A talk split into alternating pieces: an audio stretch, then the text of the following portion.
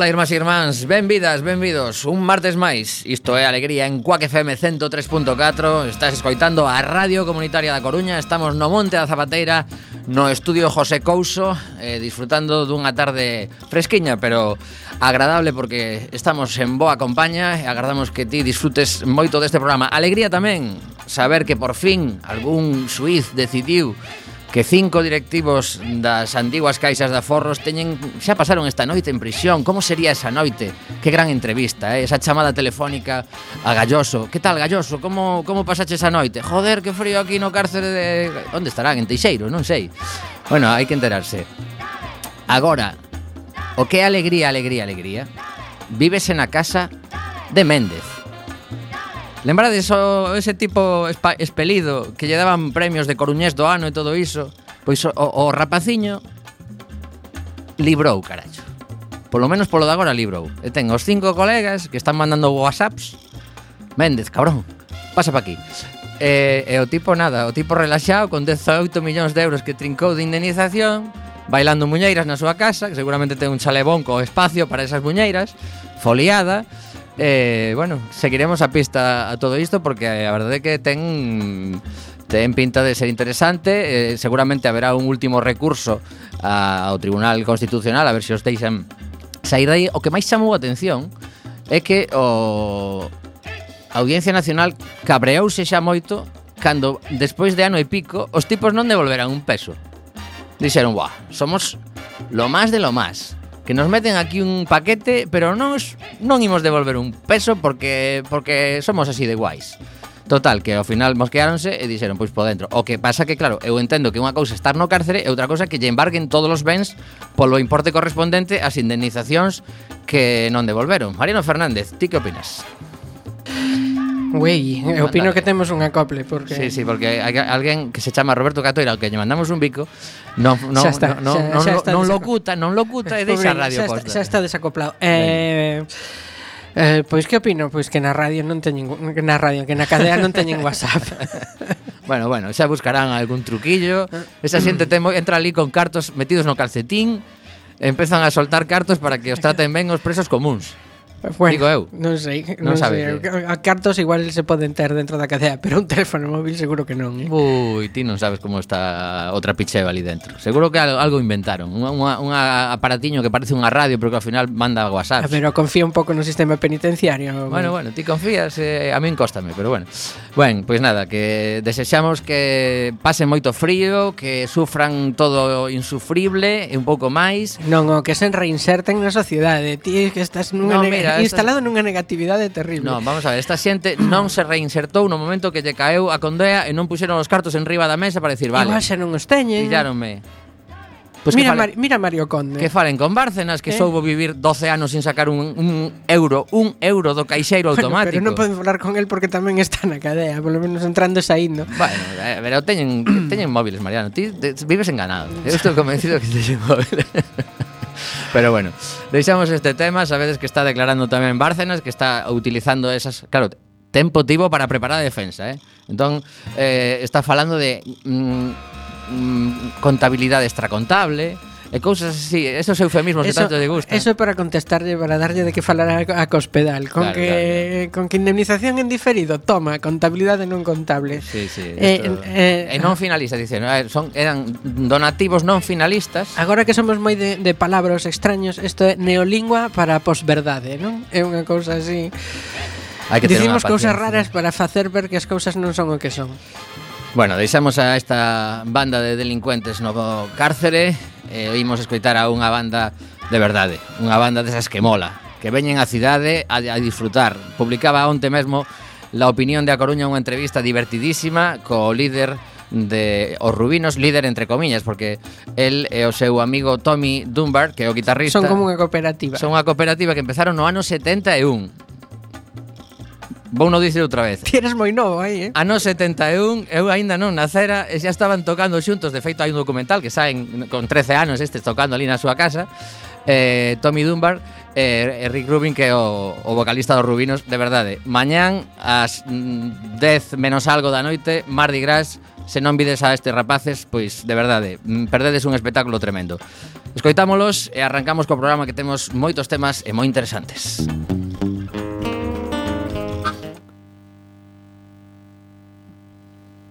Bueno, están os rubinos preparándose para chegar a Coruña, o que pasa é que fai un frío de carallo, entón teñen un problema na estrada, pero estamos convencidos de que en canto consigamos que I Wanna Be Your Boyfriend, que un dos can das cancións que máis arrasaron, a ver, a ver, a ver, que veñen, veñen non veñen os rubinos, sí. Veñen, veñen.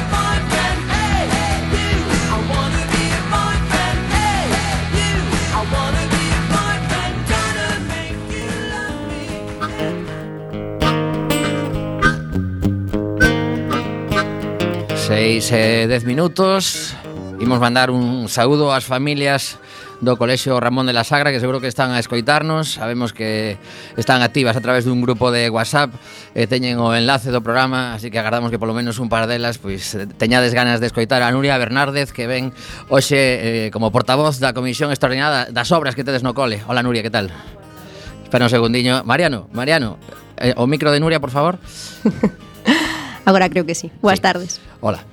Pois a verdade é que a festa que tedes montada no colexio Para xente que non se entere, imos centrar un poquinho Onde está exactamente o vosso cole Ramón de la Sagra? O noso cole está na zona del Viña Un pouco así como detrás do mercado del Viña uh -huh. Tirando máis hacia a zona das casas, hacia o barrio das Flores Vale, así que tedes bastante cerquiña a delegación da Xunta de Galicia Que xa vos coñecen, claro Sí, xa nos coñecen esta, esta Imos así como, de... como a miúdo a facer xestións ali últimamente vale. Esta mañán tiñades unha, unha concentración, sí. non? Sí, eh, xa bueno bueno, como último o último acto de protesta que temos pensado por, polo de agora foi unha concentración cos nenos, xa que, bueno, nos estamos levando colexio, mayoritariamente os pais, e acudimos ali pois a protestar e a presentar un escrito eh, xustificando o motivo polo que non vamos. Quero dicir, non queremos escudarnos en non levamos os nenos por calquera outro motivo. O motivo polo que non van ao cole é pola retirada de amianto que están levando actualmente a cabo na cuberta do cole. Para a xente que aínda non se enterou, creo que será pouca na cidade, pero ímonos rebobinar. Cando vos enteirades que teñen que facer estas obras? A ver, as obras realmente se sabían de hai tempo, o que xa desde o curso pasado, o que estaba pensado é que as obras se fixeran durante o verán. Que ten lógica, claro. Claro, que, que ten máis lógica, non? Nun centro escolar e de traballo que ten tres meses de parón parece o máis lóxico. Eh, o que pasa que a Consellería, por motivos de licitación tardía e porque estaban esperando por, por uns fondos FEDER, uh -huh. ata que lles concederon, eh, consideraron que non podían empezar antes, entón as obras empezaron empezou a falarse delas como algo como unha realidade a partir de setembro. Bueno, non foi en setembro, non foi en outubro, de feito empezaron en novembro, creo, a principios a pre, de novembro. A previsión da duración dos traballos canto é? Segundo eles, ao principio as obras tiñan que estar rematadas tamén no ano natural de 2016 porque tamén estaba condicionado polos pola subvención e polo uh -huh. presuposto, pero bueno, eh, a seguinte versión é 31 de xaneiro. Eh, bueno, non creemos que estén acabadas para 31 de xaneiro porque en dous meses e pico de obras levan rematadas tres aulas. Vale. Por, pola parte de dentro, porque e claro. cantas son en total? A ver, son, uf, agora non sei dicirche, son, son dous por curso, dous por seis, doce, debe ser Ai, non sei, pillasme, sobre 20, bueno, 20 aulas vale. por aí. Eh, haberá máis espacios, eh, porque hai o comedor, hai a, a biblioteca, tal. Uh -huh. Teñen que actuar sobre todo os servicios, tal. Vale, a xente que non saiba o problema que pode provocar o amianto, os que estades aí eh, eh, buscando información ao respecto, que lles dirías? O amianto é un axente canceríxeno do máis alto nivel. Quero dicir, os, os médicos din que non hai dintel para o amianto. Eso significa mm, que non hai unha exposición mínima que sexa tolerable. Ti cando falas de outros axentes químicos, eh, móvense no que se chama uns VLAs, que son valores límite ambientais. Significa Ajá. que ti podes estar exposto ata onde sabemos hoxe, a un determinado nivel, sen perigo para a túa saúde. Pero o amianto non ten ese valor, non, non hai un valor permitido. A exposición a unha soa fibra podría causar cancro de pulmón, Caramba. Caramba, claro. Entón é moi moi grave. O amianto de feito está prohibido o seu uso na construción desde o ano 2002. O problema que hai hoxe é que En Galicia empregouse moitísimo na forma de uralita ou fibrocemento e cando empeza a desfacerse as fibras soltanse, eh, son volátiles, están polo ambiente e non se sabe moi ben, claro, como tampouco son visibles, non se sabe moi ben cando está sometido ao perigo ou non.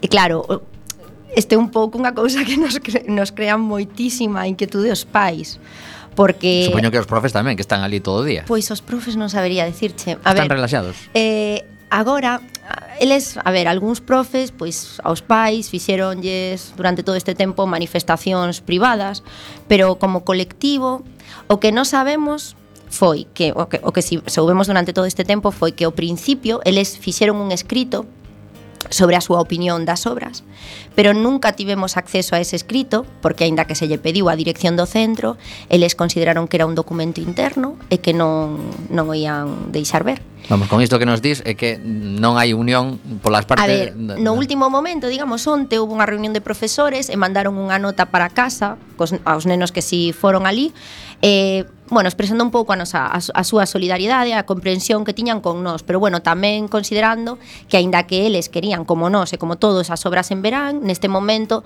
consideran que os acordos que alcanzamos coa consellería de deixar os traballos máis duros, máis perigosos fora de horas lectivas, eh, se estaba cumprindo. Que ese sí que foi un acordo que nos alcanzamos, a ver. Eles en principio iban, fa, iban a traballar todo o tempo cos nenos ali. Eh, logo, despois de algunhas reunións con, con eles, eh, acordaron facer traballos que son inseguros, moi ruidosos, traballos con radiais que levan, levantan moito polvo a partir das 4 da tarde, que aínda verían nenos no cole, pero o que pasa é que agora das a, as 4 os nenos teñen que marchar andando a outro cole eh, custodiados por persoal da AMPA para facer as extraescolares ali e deixar tempos obreros a traballar. Vale, para outras cousas sírvenos, pero para o amianto non, porque ti se, o, se ás 4 da tarde estás traballando con amianto, ás 9 da mañá pode haber fibras de amianto igualmente. Uh -huh. Entón, a forma de evitar isto é facer unha medición das fibras. Que pasa? Se ti fas hoxe unha medición, ese resultado, como moi pronto, como moi pronto non o tes ata dentro de 48 horas. E a xunta pretende que nese intervalo os rapaces sigan acudindo á clase. Xa. O cal non ten sentido ningún, porque realmente non sabemos se están sometidos ao risco ou os, os valores límite ambientais están dando ben ou non. Non temos ningún dato, temos que mandalos a ciegas, é como unha ruleta rusa. Xa. Sabes? Ese nos toca nos, Pois claro. eh, despois pídelle responsabilidades á consellería, pero tes un problemón na casa claro, moi gordo. Por, pero ademais é moi complicado porque a enfermidade podería chegar a a manifestarse dentro de moitos anos. Claro. Claro, entendes? Entón, e, e, establecer a causa efecto exacto, sería complicadísimo. Exacto. Xa é moi complicado incluso para os traballadores que tiveron que pelear moitísimo os traballadores do naval para que uh -huh. lles recoñeceran a enfermidade profesional por asbesto. Imagínate para nós que non é unha actividade profesional ni claro. nada. E a Consellería todo o tempo se ampara no tema de que está cumplindo a legislación pero que é a única legislación que hai ao respecto de prevención de riscos laborais. Xa. Entendes? Entón, cumplir un real decreto de, de protección de traballadores que teñen que ir equipados con traxes de seguridade, que teñen que pasar un, por unha unidade de, de descontaminación, eso vale, moi ben, que tampouco están facendo, eh, por outra parte. Ah, nós temos sea, os traballadores... documentos eh, gráficos Ajá. e eles se amparan en que cumplen a legislación, pero nós temos documentos gráficos no que os traballadores non están utilizando as medidas de seguridade, como debe ser. Esa, esos documentos xa están en inspección de traballo tamén. Caramba. Eh, Outra pregunta que se me ocurre. Dime, sí. a, a relación entre os pais e a empresa contratista, eh, hai algún tipo de vínculo, sí, hai, hai sí conversas? Nos, nos temos conversas con eles. E realmente non é unha mala relación, eles non queren ningunha guerra con nós eh, a guerra o sea, máis ben coa consellería. Están sendo claro, un pouco inconscientes, polo menos algúns dos traballadores, a hora de, a ver, de traballar. A nos, claro. claro, nos mosquea, porque si eles mismos non están cuidando o protocolo para si sí mesmos, todo o que teñen que facer co amianto de cubrilo convenientemente para baixalo, aínda que eles, claro, din que o fan correctamente, pois claro. xa o ver como se fan os traballos. Claro, Porque hai unha persoa externa á empresa contratista como xefe de obra, contra, contra, sí, aquí... controlando aquelo. A ver, o sea, algún, eles teñen por exemplo, todos os... neste caso o que o que paga a factura é a Xunta de Galicia, mm. polo tanto, hai algunha persoa da Xunta de Galicia controlando que as obras se fan segundo os protocolos? ali, mm. non. No. Hai unha dirección de obra que está na consellería, bueno, Ajá. hai, a ver, todos os a ver, igual eu explico mal o que son os cargos das, das obras, vale? Uh -huh. Que non controlo moito do tema. Eh, os cargos están todos nomeados, están correctamente nomeados. Eh, se hai alguén controlando, é alguén da empresa, está claro. Hai, hai, hai varias contratas, entón, pois, terá que haber unha persoa que, con, que controle da empresa subcontratista do amianto e das contratas que, que teñan por ali, vale? Pois ao mellor do, do que contratou a este tal. Da consellería non hai ninguén, eles pois teñen unhas uns informes de obra e, uh -huh. bueno, si que nos dixeron, se vedes algunha cousa que sexa irregular, comunicade, pero bueno, caso caso realmente tampouco nos fan. Vale. A, a persoa coa que normalmente tedes eh, contacto da, da administración da Xunta de Galicia. Uh -huh. é eh, un delegado provincial ou algo así? É o xefe territorial de educación, Indalecio uh -huh. Cabana. E Indalecio Cabana pasou polo centro a, no. a razonar Nunca bueno, se, non, que non se achenou a Talía Con nós non, desde logo, non sei se foi ali para falar coa dirección do centro Porque, bueno, coa directora como a comunicación sobre este tema foi bastante nula durante todo este período Non sabría decirche agora, pero bueno, desde logo con nós non As veces que se reuniu eh, foi sempre na consellería, o sea, non, bueno, na delegación da consellería uh -huh. Porque nos fomos a Talí eh, despois de a veces ter que insistirlle bastante para ter unha reunión con el Entón, pais da comisión, membros da AMPA tal, si que tiveron con reunións con el. Uh -huh. E eles, bueno, nos primeiros momentos sí que eso, na primeira reunión acordaron para, para facer parte dos traballos a partir das 4 da tarde, pero co tema do amianto mostranse totalmente eh, inamovibles. E que queren facelo así, e queren facelo así, e lles parece super seguro, e sempre que nos saímos nun medio de comunicación, sae outro a desmentilo, nos cumplimos todas as medidas de seguridade, eu o que quero que a xente entenda é que aquí non hai, quero dicir, hai un vacío, non exactamente un vacío legal, hai unha lei do menor que di que os centros educativos teñen que velar pola seguridade dos menores eh, nos espacios que están ao seu cargo. Xa está, tería que ser suficiente. Non hai máis legislación, pero non ten que habela porque non ten non é de sentido común que ti teñas un rapaz nunha obra maior Ti fas unha obra na casa e non tes os teus nenos ali sufrindo polvo, sufrindo ruido, as incomodidades e moito menos sometidos a, un, a unha exposición a amianto que, que non ten sentido. A verdade é que mm, non é mm, nada normal o que está a suceder. Eh, Dichedes un montón de pasos Montísimos. Entre eles conseguir un, un informe da valedade sí, do povo Sí, favorable a nós que, eh, que, que pedía exactamente a valedora ou, ou que, mm, que conclusión sacaba polo informe eh, que tería que tomar nota esa outra administración? A ver, a valedora eh, todo o tempo intentou mediar e sigue intentando mediar entre nos e a consellería eh, un pouco ela o que pretendía era que a consellería fixera un informe non para saber cales eran os motivos de bueno, de, de non poder paralizar as obras, de cal, cal era a situación, non, por mm. parte da Consellería. aparte de que tivo que esperar máis do plazo regulamentario, que eran 15 días polo informe, Eh, bueno, pois ela sabemos pola persoa de contacto que temos, pois que mantivo os seus contactos dentro da consellería e, e pide o mesmo. A, a, o tema do amianto parece ser que é un tema así bastante de bastante importancia dentro da oficina da valedora. Ajá. Eles manexan eh, as formas nas que se fan estes traballos noutras comunidades, por exemplo, en Andalucía, non, no que é totalmente obligatorio que os rapaces estean fora do centro escolar para o sea, facer os traballos. Normativa sí, ali, sí, claro. hai normativa, sí. Ajá. Bueno, eh, sí, non sabría decirche de que nivel, eh, sí, vale, sí, sí. pero de que a nivel xurídico, pero sí que hai normativa eh, ou, ou polo menos un protocolo. Eh, un pouco ampáranse nesa, nesa situación para intentar que aquí pase o mesmo. Eh, as obras se paralicen nalgún momento que non sei se, se o conseguiremos. Vamos seguir esperando que sí. Claro, a, a obra comezou oficialmente o día? En novembro, creo que foi a principios. O sea, xa A levades, finais de outubro, principios de novembro. Xa levades eh, case, case tres meses, meses. Case de tres. Novembro, decembro. Bueno, porque logo en vacacións eh, de Navidad Pois sigo houve xente traballando, pero non na cuberta Tampouco durante... Claro que a situación é especialmente dolorosa para nós Porque se ti pensas o outono que tivemos O inverno que, que tivemos, non? As vacacións vacacións de Nadal que tivemos. Máis de 15 días un centro baleiro, que podían terse feito os traballos perfectamente aí. Mm. E a Consellería turrou que non, xa. que se ian facer a volta. Sí, a verdade é que cando, cando vimos, por exemplo, na Coruña que estaban traballando 24 horas para avanzar no túnel da, da, claro. do Parrote, eh, para iso había cartos e había todas as presas do mundo en un centro educativo que está Valeiro e que paralicen eh, xusto cando non hai ningún risco para ninguén que, que teña que ir ali a traballar ou a estudar Chama atención. Sí, é moi chamativo. É moi doloroso, sobre todo, xa é desesperante. Sí. Quero decir, ter que chamar a tantas portas e eh, ao final que te estean dicindo que, que non pasa nada, que non pasa nada, pero como que non pasa nada? Temos tamén un informe dunha doutora uh -huh. que é a máxima autoridade respecto ás bestosis en Galicia, Carmen Diego, é unha doutora do arquitecto Marcide de Ferrol, e, e ten tratado durante todos estes anos con cos traballadores do, do naval, tamén un informe ao noso favor, dicindo uh -huh. as consecuencias que pode ter a exposición a amianto, que de ningún xeito os rapaces deberían estar expostos a ese a ese a esas fibras. Pero bueno, seguimos Mira, igual. E eh, todo isto, perdona, sí, sí. Eh, está en poder da administración, tanto o sea. informe da valedora como da doutora. Eh, saben que están en inspección de traballo, agora acudiremos á fiscalía, Porque xa é eh, que de, de pura desesperación xa non sabemos sí, sí, moi ben que, pues que nada, eh, pasos eu, razonables Precisamente dar. agora unha das cousas que se me ocurría eh, non sei se te eches algún contacto coa oposición no Parlamento de Galicia, que sí, hai, sí. hai, hai varios Temos grupos, e, eh, chegou a, a algún pleno do Parlamento, porque sería interesante saber... Sí, sí que fixemos preguntas parlamentarias tamén Ajá. ao respecto. Tampouco, a verdade que, a ver, non queremos tampouco politizar excesivamente o tema, nin siquiera politizar un pouquinho. É, que non é politizarlo. É, é, é un problema que ten a ciudadanía que teñen que resolver un, pues, o Parlamento é o órgano máis máis como... alto en canto en canto nunha consellería non entran en razón cando tes un, un montón de informes que poñen sobre a mesa un problema real que pode haber no futuro, pois o que terías que facer é decir, bueno, vale, pois eh, agora vais a ir públicamente, a iso que distías, as preguntas parlamentarias, e, non entremos en quen, a, quen falla a pregunta, é simplemente que o goberno que tenga a maioría no Parlamento que se posicione claramente, Pero... que diga, respaldamos a Consellería, que supoño que é o que sucedeu. É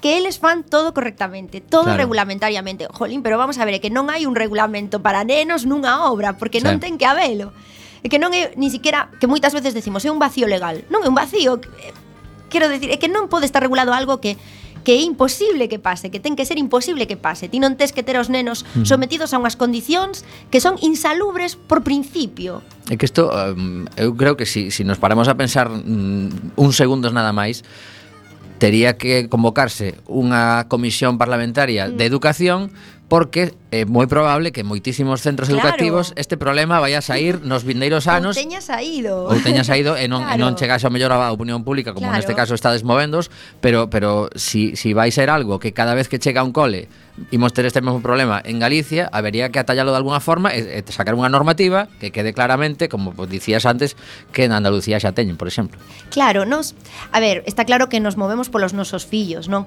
E, e, e pretendemos encarecidamente que as obras se paralicen. Pero xa miramos máis aló tamén, sabes? Queremos que isto deixe de pasar, porque non pode ser que un menor estea tan desprotegido por parte de persoas que solamente pensan en intereses económicos. Además, vai a saber, o, o sea, porque vos vos movilizastes, pero vai a saber en cantas en cantos sitios fixeron cousas así. Sí. Que a xente non tivo nin coñecemento do que estaba pasando. A ver, aquí coincidiron moitos factores, un grupo de pais así un pouco moviditos e logo moita xente con coñecementos ao respecto do amianto, ou coñecementos médicos ou vamos, temas preventivos e, e con moitas ganas de loitar. Entón, claro, agora mesmo estamos neste punto, non, cos nosos nenos, pero xa vos digo, vamos, claro, penso, queremos pensar é... que de aquí salga algo máis tamén. Pois sí, pois eh, supoño que a, a fórmula é iso, que chegue en algún momento a, ao Parlamento xa en serio e que se, se determine pois, algún tipo de decreto por parte da Xunta do que se pode e non se pode facer, aínda que claro, se a conclusión aproveitando a súa maioría absoluta e que iso se pode facer e que non hai ningún problema, pois claro, claro teremos teremos unha festa e cada vez haberá máis máis pais e nais en moitos sitios de Galicia que acaben facendo unha asociación de afectados polas obras con amiantos nos centros educativos. É que é unha pasada. E que e que teñades que dedicarlle horas en vez de estar a, a, educando a vosos nenos, que tamén é parte da educación, sí. pero pero realmente é, é un pouco frustrante, claro. Sí, é moi frustrante. Sobre todo cando xa levamos eso, mm, casi tres meses loitando, chamando a portas, eh, algunha xente no noso grupo traballando, vamos, pero como de verdad, unha pasada. Eso, eso Mira, apro aproveita que... para, para agradecer a, as persoas aí que están sacando horas de onde non as hai. Agradecemos yo moito, moito a Monse, a Dani, a Estefanía, a Vanessa, a todos os que estades traballando, a Francisco, non sei, seguro que me a Gema, que me olvido un mogollón de xente que estades deixando moitísimas horas do, do voso tempo en intentar parar a situación, en intentar que haxa unha solución para todos, e, eh, bueno, eh, sobre todo tamén sempre tendo en conta todas as implicacións incluso que pode ter isto, porque imagínate xente que deixa os nenos na casa, que, que ten que buscar que actividades claro. facer con eles, pois agora xa tamén a xente se está movendo a ver onde metemos os nenos, como conciliamos, porque tampouco nos deron unha solución ao respecto. Bueno, eh, non e, sei. e a preguntar precisamente agora eh, que din os rapaces? eh, O meu, sobre todo os que son un pouco máis maiores, que os teus son pequenos. O meu é moi pequeno, pero eu penso que está moi concienciado, quero dicir, tamén creo que este é un exemplo moi bo eh, para os nenos, educalos en valores, non? De, de que as cousas podense loitar, podense protestar, eh, debense protestar de, de feito eh, legalmente e conseguir o que queres. Eh, os rapaces hoxe os vías na, na concentración eh, que están eh, un pouco perdidos, eu creo. Os, os rapaces necesitan rutina, non? Tamén está esta educación en valores é moi importante, pero a rutina para eles tamén é estar desescolarizados como están agora mesmo, non sabemos por canto tempo. Eh, non é beneficioso para eles, desde logo, quero dicir, nos non, non os deixamos na casa, eh, que ben que deixamos os nenos na casa, para nós os, o, desearíamos que estiveran no cole, sabes, sí, sí. que estiveran eh, disfrutando das súas actividades escolares, eh, electivas e todo. Eh, eu penso que están un pouco eso, perdidos, conscientes do que estamos facendo, os que mm. poden ser conscientes e mentalizados ata onde eles poden estar, pero pero bueno, desexando volver ao cole. Mais ou menos sabedes eh, cantas eh, persoas están asistindo con regularidade? Nos pensamos que menos do 50%, tampouco temos datos oficiais, pero bueno, por datos un que centro temos de 400 e pico nenos. 450. Ajá. Pero por exemplo, nunha clase de 25, hoxe había 6. Eh, claro, é moi desigual en todas as aulas, non? Ah. Non temos datos eh, xerais. Pero bueno, sabemos que o 50% estamos chegando seguros, entón xa é unha cifra de, de apoio moi moi importante. Logo hai que pensar que tamén moita xente leva os nenos non porque non estea de acordo coas nosas reivindicacións, senón porque realmente non ten que facer con eles, xa. non ten onde deixalos. Que o mellor tendo alternativas, habería máis xente todavía que se mm. adería a esta situación. Que bueno, non é unha pro... porque moita xente nos pregunta, isto da folga non é unha folga, é eh? puro sentido común. Eu non podo someter os meus nenos a unha situación que é insalubre que é un perigo para eles, para a súa integridade física. Sí, porque nos, non os podo levar non ali. estamos falando de que colla un, unha gripe ou no. No, no, para nada. Estamos falando de enfermedades moi eh, peligrosas, non? bueno, cáncer, o mesotelioma, fibrose, que están relacionadas coa inhalación de fibras de amianto, uh -huh. gravísimas. Pois a verdade é que tentaremos seguir a, a pista este caso eh, e agardamos que vos, eh, vos atendan polo menos e que saian da súa cabezonería, que moitas sí. veces é, é necesario que que as persoas, igual que non sei cantos anos despois, chegou Cospedal para pedirse perdón ás vítimas do, do Yakolev, pois que o voso sexa moito máis rápido. Sí, que non teñan que pedir perdón, por máis que por isto, máis que por desescolarizar. Tamén esperemos que non intenten ter eh, consecuencias contra nós por non levar os nenos ao cole, porque claro. pensa que poden ser moitos días. Sí, sí, sí. Pero decir, esperando por exemplo, a empresa que desamianta que nos dixo que probablemente non paguen, o sea, que, que non paguen o mm, como se día, o análise rápida, que uh -huh. de 48 horas, senón que hai un análise que é máis longa que de 15 días, tardaríamos 15 días desde que acaban os traballos en saber se o ambiente está libre de fibras de amianto. Entón, imagínate canto se pode prolongar isto e canto o sea, tempo fora do cole. A, a diferencia de cartos entre a corta e a longa? No, non, non o sabemos. Sabedes. Vale, vale. non o sabemos, pero pois toca te, supoñemos que é considerable. Toca presionar, como era Indalecio, como como se chamaba? Indalecio Cabana. Indalecio Cabana, eh temos te vixiado. en Quack FM imos estar pendentes do que fagas eh e se hai que eh, dar a lata, pois eh, daremos tamén de aquí. E se queredes que transmitamos algunha cousa á ciudadanía, pois xa sabedes que tamén tedes o, o noso contacto sen problema. Nos sobre todo que queremos transmitir é que a xente que non se perda con tanta noticia, con tanto tal, que este é unha cabezonería da Consella consellería que, que podería telo resolto eh, ou resolvelo agora mesmo se realmente tivera unha intención de, de facelo. Uh -huh. E nada. A petición sería que parasen as obras sí. e que en San Xoán se poñan a traballar Exacto. con calma e que fagan todo o que teñan que facer, porque si en principio va para un mes, dende o 24 de xuño en adiante teñen, teñen dous épico para facelo. Home, será por tempo nun centro educativo. Xa te digo. será por tempo. Ai, que paciencia hai que ter. Bueno, Nuria Bernardes, moitísimas grazas. Gracias a vos. E a todas esas nais e pais que están loitando por, por un un razoamento por parte das persoas que terían que razoar e vemos que non o fan. Bueno, pois continuamos co programa falando de música. Eh, Ese Elliot Murphy que ven os xoves Esta semana a verdade é que temos unha serie de clásicos na cidade Que parecemos o, a, como é, a, a sede mundial do rock. Onte estaban os Flestons, mañán os Rubinos eh, Outro que leva tamén 40 anos no escenario Elliot Murphy no Garufa Club os xoves pola noite. Concertazo.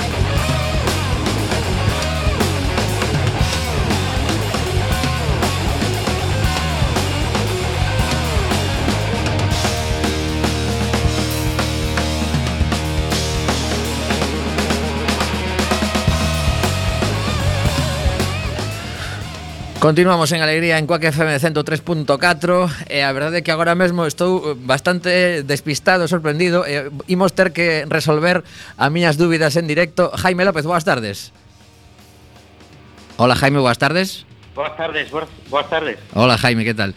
Bueno, Jaime é un, unha das persoas que traballa na Cruz Vermella, verdade? Sí, sí, sí. sí. Vale, pois te, eu teño aquí a, a información cruzada porque en principio, se, se, non, se non estou equivocado, mañán mércores as, eh, dende as eh, 8 da tarde tedes un acto na, na propia Cruz Vermella falando sobre o traballo dos cooperantes, verdade? Sí, sí, hai, hai un, un acto efectivamente para, para eh, sensibilizar e dar a coñecer a labor dos cooperantes, pero non é unha actividade que coordine eu. Ajá. Vale, porque eh, a verdade que eu pensaba que unha das persoas que vai intervir, que é Javier eh, Manteiga, eh, sí. pois sería a persoa coa que falaríamos. Entón, por iso teño aquí o meu cruce, eh, que pero nos pasaron o, o teu contacto, eh, e nos gustaría que nos contes un pouquiño pois, o que pretendedes con, con estas actividades. Eh, a ver, vamos a ver. El, o, o evento que ten, que ten lugar mañán ten que ver con unha, con unha, unha serie de actuacións que pretenden ter continuidade e que organiza o Departamento de Cooperación Internacional de Cruz Vermella. A, eh, a intención é poñer en, en coñecemento dos membros da institución fundamentalmente, pero tamén de outros colaboradores ou, ou de outras ONGs, a labor e a, eh, a, a metodoloxía de traballo de cooperación internacional no ámbito de Cruz Vermella. Uh -huh. Entón, bueno, pretende ter un, un enfoque informal, eh, organizado como en forma de café, informativo, porque, bueno, eh, Javier, pues concretamente, é unha persoa que que ten asumido diferentes funcións dentro do, do ámbito da cooperación. Uh -huh. Entón, bueno, a, a, é unha persona que, que non, non só foi delegado, sino que ten traballado en eh, eh, mm, atención humanitaria, programas de desenvolvemento, en diferente, en, tanto na Cruz Vermella como na, Federa, na Federación de, de Cruz Roja, Ajá. entonces, la Federación Internacional. Entonces, quiero decir que bueno, él, él vaya a asumir eso, una especie de, de, de, briefing sobre, sobre todo que é o mundo da cooperación, as súas dificultades e un pouco tamén a súa, a, a súa metodoloxía. O que pasa que xa digo, eu non, non son a persona que coordina o Departamento de Cooperación. Vale, pero tenemos, eh, que claro, estes días eh, estivemos recibindo bastante información do que estades a facer eh, e outra das actividades eh, que, que realmente nos, nos parece interesante que queríamos tamén comentar contigo, pois esa, esa campaña das persoas que están vivindo na rúa e que realmente especialmente agora que precisamente estamos a 24 horas de que entre unha ola de frío que anuncian como bastante dura, pois é un colectivo moi sensible, non? Sí, a ver, no, no, todo, todos os anos nos eh, de, desenvolvemos dúas actividades relacionadas co colectivo de persoas en fogar. Unha, unha, ten, eh, un, pues unha colaboración que nos mantemos con un servicio municipal, en, eh, a Cruz Vermella xestiona eh, por encargo do municipio, pois un servicio de, de, de, de urxencias de emerxencias sociais. E dentro deste servicio dos SEMUS eh, eh, desenvolvese un, acti un, unha actividade de control e detección dos casos de persoas que, de, que dormen na rúa. Uh -huh. en est, neste caso, cando chega o inverno, ou hai condicións meteorolóxicas adversas, como pode ser un ventos moi fortes, baixadas de temperaturas, eh, chuvias moi copiosas, bueno, nestes casos e no inverno eh, en, o que se fai é incrementase a actividade de, de detección e de mm, peinado, digamos, da, da cidade, non? Neste caso, eh, eh, nos temos un vehículo eh, que, que, que é o mesmo que atende habitualmente cun, cun equipo profesional e voluntario eh, as emergencias sociais durante os horarios en, nos que os servicios sociales non, non están operativos Y, y ese mismo equipo eh, ampliado pues intenta eh, realizar unha serie de rutas que se fan todo o ano. Mm, o que pasa que en vez de facer unha ruta semanal, eh, no inverno fanse polo menos dúas e moito máis eh, amplas de, pues, prácticamente desde as 8, 8 e media da tarde hasta as 12 da noite, intentando detectar calquer persona que poidera estar dormindo na rúa en condicións de insalubridade, de dificultade importante, ¿no? Uh -huh. e intentando que acudan a, a servizos eh, correspondientes ao refuxio ou eh, incluso, bueno, no caso de que a persona non quera utilizar algún deses servicios, polo menos eh, aportar eh, algún, alguna bebida quente, desde logo roupa ou ben sacos de dormir. Porque ante, ante a vosa oferta de, de dormir eh, nunha cama eh, apechado, hai, hai persoas que, que rexeitan. A ver, o, o, a cuestión é que dentro do colectivo de persoas en fogar pode haber, pode haber moitas de, de circunstancias que, que dificulten que, que esa persona, digamos, dé a resposta que, que casi todos os cidadáns entendemos como máis racional. Eh, pode haber eh, casos en que unha persona teña unha, pues, desde algunha dependencia importante eh, que lle impida realmente eh, optar por esa, por esa resposta, ainda que o frío baixe, non? Uh -huh. Eh, pode haber persoas que teñan pois algunha eh, algunha dificultade personal no sentido de que de que nun momento dado pois, ou, ou eviten persoas que vayan a dormir ao propio refugio ou que teñan algunha sanción ou que non, bueno, se entenderan de alguna forma ou que de, e, e hai algunhas que evidentemente eh, non desean, digamos, o tipo de convivencia eh, que un, que, que un refuxio normalmente eh, organiza ou establece, non? Uh -huh. Ainda que o refuxio de A Coruña pois, é un, un refuxio especialmente ben dotado, si é certo que hai unha convivencia mínima, pois xa non hai esas, eh, non son habitacións ni moito menos cuarteleras, nin de moit, nin moitas persoas, pero si é certo que hai unha convivencia obrigatoria que moitas persoas sí que tratan de evitar por diferentes motivos, algúns por saúde mental, outros por eh, experiencias previas, E, e bueno, ante esa situación é importante que exista un, un servicio preventivo, un servicio que, que, que, de alguna forma eh, se achegue ás persoas que podan estar dormindo, porque en moitos casos, cando a situación climatolóxica non é favorable, hai, hai moita xente que habitualmente non vai, pero si sí accede a ir, por exemplo, a servicios como o refugio. Ajá.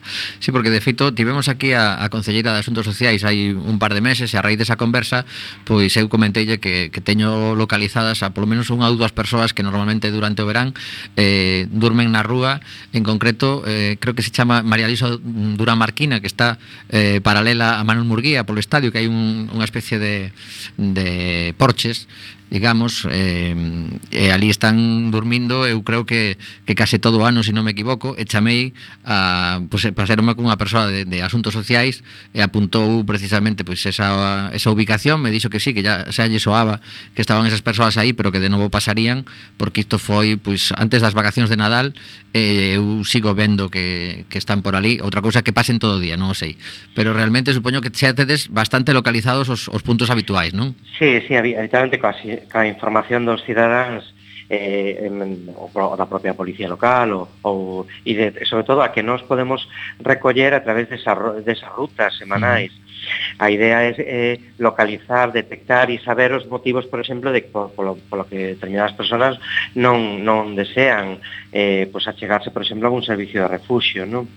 En todo caso, eh, mm, o feito de que non vaya non quere decir que non se siga traballando. Por exemplo, pode haber unha persona que habitualmente non quera acudir, rexeite completamente es, perante unha situación, por exemplo, de, de, de falta de saúde, unha, un, unha infección, unha, eh, que, bueno, que se sinta mal, pois pues acceda, por exemplo, a algún tipo de intervención. En algúns casos, por exemplo, igual detectas unha situación de saúde que é conveniente trasladar ao hospital e non a un, refugio, a un claro. entorno Quero decir que esas rutas sirven como un elemento preventivo para evitar que e é un compromiso do, do propio municipio e das institucións que colaboramos nestes servicios para evitar que eh, na medida do posible que non haxa persoas que podan verse en situacións de vulnerabilidade extrema debido ao frío ás condicións climatolóxicas. Uh -huh. Se non estuvo equivocado, hai pouquiños días falecía unha das persoas que vivían normalmente eh, nos baixos do, do Millennium, pode ser?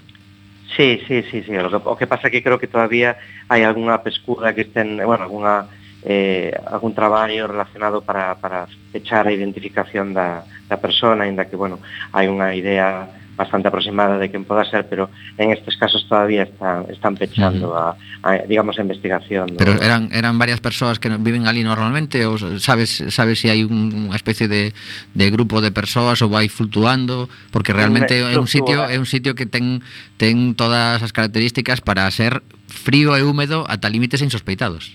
Sí, sí, o que pasa que, que a, eh, a ver, os, os digamos, os, os lugares ou localizacións onde durme a xente eh, son eh, moi móviles, realmente non eh, eh, eh, fluctúa bastante a pernocta e incluso as propias persoas que están dormindo, ainda que é certo que poda haber non sei, unha dúcia, 15, 20 personas como moito que en algún momento poda, seguramente menos que estean dormindo de forma habitual durante mm, varios meses, o normal é que se se detectan unhas 13, 12, 15 persoas durmindo nun mesmo día na, na, na cidade pola noite, é, eh, é certo que nese número eh, eh, cambian as, a, as persoas, non sempre son as mesmos 13, Ajá. porque as persoas en fogar normalmente, en súa gran maioría, intenta sair, eh, intentan sair desa situación. Uh -huh.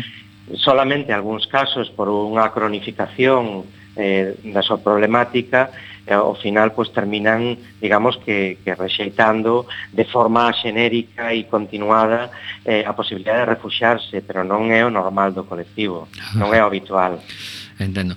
Bueno, Jaime López, eh, director provincial de Inclusión de Cruz Vermella na Coruña, moitísimas grazas por atendernos.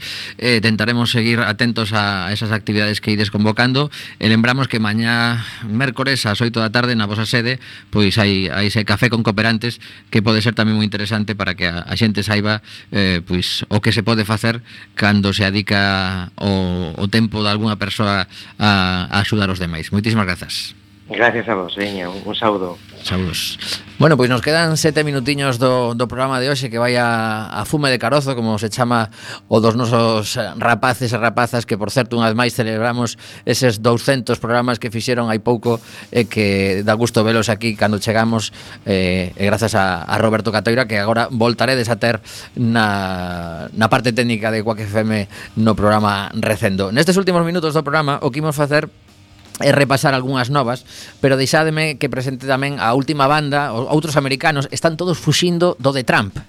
Non vos fixades que hai moitos americanos por aquí? Pois claro, porque Trump vai ser presidente dos Estados Unidos este venres. Ah, medo. Mira, que me acaban de poñer os pelos que os teño ben longos. A así. ver se chegamos ao sábado. sí, a ver se si non se equivoca de botón. Cando non, vai a tirar da cisterna, blum, botón. Non, eu, é, é, é a miña un, a única esperanza que se equivoque de botón. Eh, un, un que, que se dispare non, a sí mesmo. Que non Toma. acerte, vamos. Vaya lío. Bueno, pois pues, eh, escoitamos a polo menos a, os imos poñer un minutiño despois os deixamos de fondo Stolen Roads, que é a primeira vez que veñen á cidade, hai que facerlle así un detalle, estarán tamén en, en Mardi Gras o Benres pola noite, veñen dende New Jersey, eh, soan así, esta canción tranquiliña que fala de que a música salvoulle a vida eh, a moita xente en máis dunha ocasión. En este caso, pois será a canción que, que estamos escoitando mentras en Estados Unidos está precisamente Donald Trump dicindo son o presidente, son o presidente, como molo.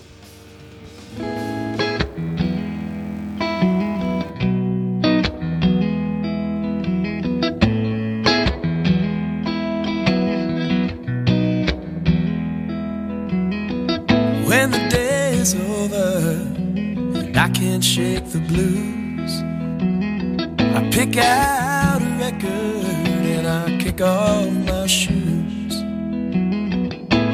Drop the needle, close my eyes, let the melody take me, let my spirit rise. Music's gonna save me.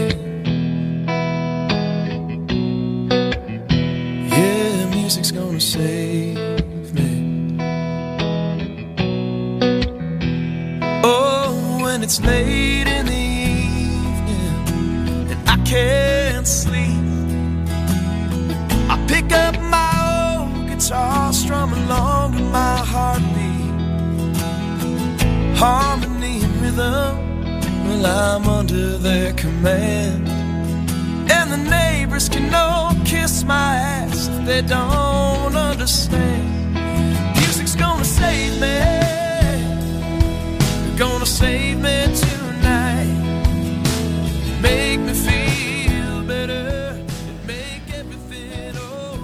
O que está dicindo a canción Os que entendedes inglés eh, Estamos a piques de mandarlle a canción Ao PSOE Coruñés Porque a verdade é que teñen un lío considerable E cuadrou nun momento bastante malo Porque estábamos eh, polo menos tentando de pactar uns orzamentos municipais para o ano 2017 cando saltou a nova de que o señor da Pena, o portavoz municipal, dimitía porque consideraba que quedaba desautorizado cando se enterou que aquí ven o máis importante de todo do que non se fala. Eu estou ata o moño de que ninguén me conteste. Pregunto polas redes sociais, pregunto pola rúa, pregunto en Quack FM, por favor, se alguén o sabe que mo diga.